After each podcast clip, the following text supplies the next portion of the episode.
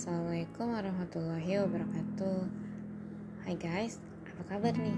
Semoga selalu bahagia ya dan berada dalam lindungan Allah Subhanahu wa taala. Tanggal 21 April datang lagi nih. Tahun ini saya nggak akan tahu acara apa aja yang akan diputar di TV demi Hari Kartini. Soalnya saya nggak ada TV. Tapi tontonan 6 tahun yang lalu masih menggelayut di ingatan saya tentang seorang ibu penenun stagen. Tersebutlah sebuah acara TV yang khusus ada di hari Kartini. Acara tersebut mengisahkan wanita-wanita yang bekerja di ranah publik dengan latar belakang yang berbeda-beda. Ada yang pegawai, pengusaha sukses, dan ada ibu penenun stagen. Kisah terakhir adalah yang paling memilukan Ibu penenun stagen adalah wanita dengan profesi utama menenunkan stagen di rumah UMKM dengan gaji 10 sampai 30 ribu per hari. Gak salah kok, kamu gak salah. Memang per hari, acara tersebut menceritakan seperti apa kerja yang dilakukan ibu penenun stagen, berapa orang yang hidup di bawah tanggungannya, serta tak cukupnya gaji untuk memenuhi kebutuhan hidup mereka. Ibu penenun stagen juga diwawancara tanpa makeup atau pakaian bagus.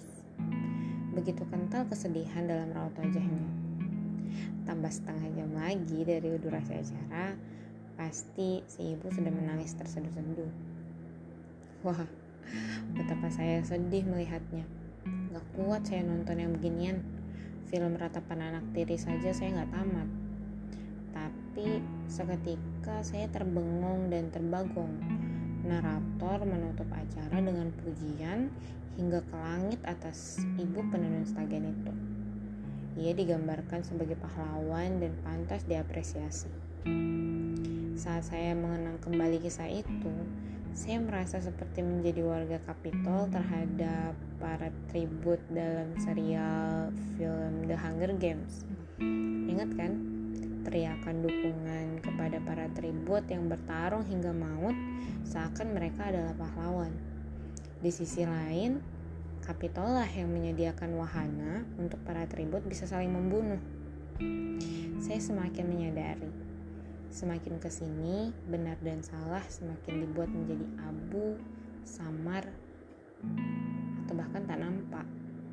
Logika ini hanya menjadi budak nafsu aja dia diminta menguatkan kedunguan. Tapi sampai akhir, orang-orang yang berpikir pasti akan keberatan patuh pada kedunguan.